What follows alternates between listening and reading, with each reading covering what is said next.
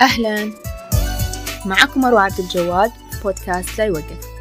بودكاست مخصص لكل ما يتعلق بتأسيس المشاريع الستارت ابس تنمية المشاريع وتطويرها. حياكم. يا أهلا وسهلا والسلام عليكم. وموضوع المخاوف اللي تسيطر علينا لما نبغى نبدأ مشروع جديد أو ناخذ خطوة جديدة. في أي مرحلة أنت حاليا من مشروعك؟ هل في مرحلة الفكرة؟ التأسيس الحصول على تمويل والبحث عن مستثمرين أو في مرحلة التوسع أو في مرحلة ركود. مهما كانت المرحلة اللي أنت فيها فدائما في عامل مشترك بين هذه المراحل كلها. أو خليني أقول شعور مشترك. شعور الخوف دائما موجود عندنا وصحي لدرجة معينة. لأنه لو ما وجد هذا الخوف ما كان فكرنا في كل التفاصيل ولا درسنا المشروع بشكل دقيق أو حتى عشنا لحظات الحماس والأدرينالين الرش لما نسوي شيء كنا خايفين منه وبعدين يطلع إنه القرار السليم والقرار الناجح في مرحلة الفكرة عندنا الخوف هل حكون صاحبة مشروع شاطرة أو صاحب مشروع ناجح؟ هل هذه الفكرة الأفضل أساساً؟ هل حكون قد المشوار هذا؟ وفي مرحلة التأسيس تجينا بعض المخاوف هل حينجح مشروعي؟ صراحة أنا ما أحب أستخدم كلمة فشل وأحسها نسبية كل واحد له نظرة لكن نظرتي أنه حتى لو المشروع ما نجح فأنا طلعت كسبانة خبرة ومعرفة وتجربة وما خليت مساحة للندم والتحسر أني ما جربت أو أخذت خطوة كنت أتمنى أني أسويها. لكن هذه نظرتي أنا فقط. ممكن يكون عندكم وجهة نظر مختلفة ويا ريت تشاركوني هي. وفي مرحلة التشغيل تظهر عندنا مخاوف تتعلق بمشاكل التشغيل والخوف من زعل العميل وعدم الاستحواذ على اهتمامه وغيرها. ولما نكون حابين نتوسع نتخوف من هذه الخطوة ونقلق هل راح ألاقي مستثمرين ولا لا. هل هذه الخطوة فعلا اللي راح يحتاجها مشروعي؟ هل حخسر عملائي الحاليين مع التغييرات اللي راح ياخذها المشروع؟ وغيره. طيب إلى هنا وحلو. الخوف إيجابي وجيد. شعور الخوف حلو إذا حيكون لي دافع يخليني أجتهد أدرس قراري بشكل أفضل أستشير أهل الخبرة أو أكون حريصة في المتابعة والتقييم المستمر.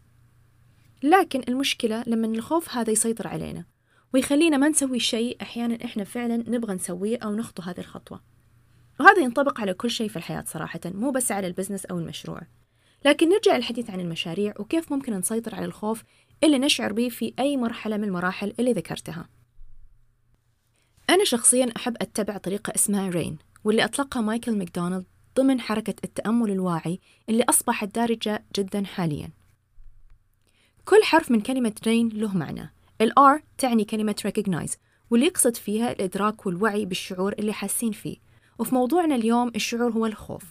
وال A تمثل كلمة accept يعني نتقبل هذا الشعور بالخوف وما ننكره أو نحاول نقنع نفسنا بشيء ثاني أو إنه هذا الشعور مش موجود أصلاً.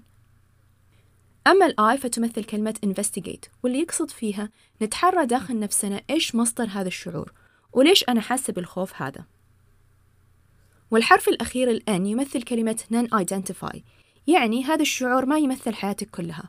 ولا هويتك لأننا أحيانا لما نشعر بمشاعر سلبية مثل الخوف ما نشوف إلا من خلالها في هذا الوقت. العدسة اللي قاعدين نشوفها العالم حوالينا محاطة ومتمثلة كلها في الخوف. وأيضا في البعض ربط حرف الأن بنيو ويف وأنا عجبتني هذه العبارة أكثر لأن المشاعر عبارة عن موجة تبدأ عالية وكبيرة وبعدين تهدى وتروح. فشعور الخوف هو موجة جديدة حترتفع لكن حتهدى وحنقدر نطلع منها بإذن الله. هذا التكنيك ساعدني كثير في السيطرة على مشاعر الخوف وأتمنى أنه يساعدكم لأن الخوف لو تركنا له مساحة وركزنا عليه ممكن يوصل لمرحلة أنه يقيد حركتنا كلياً.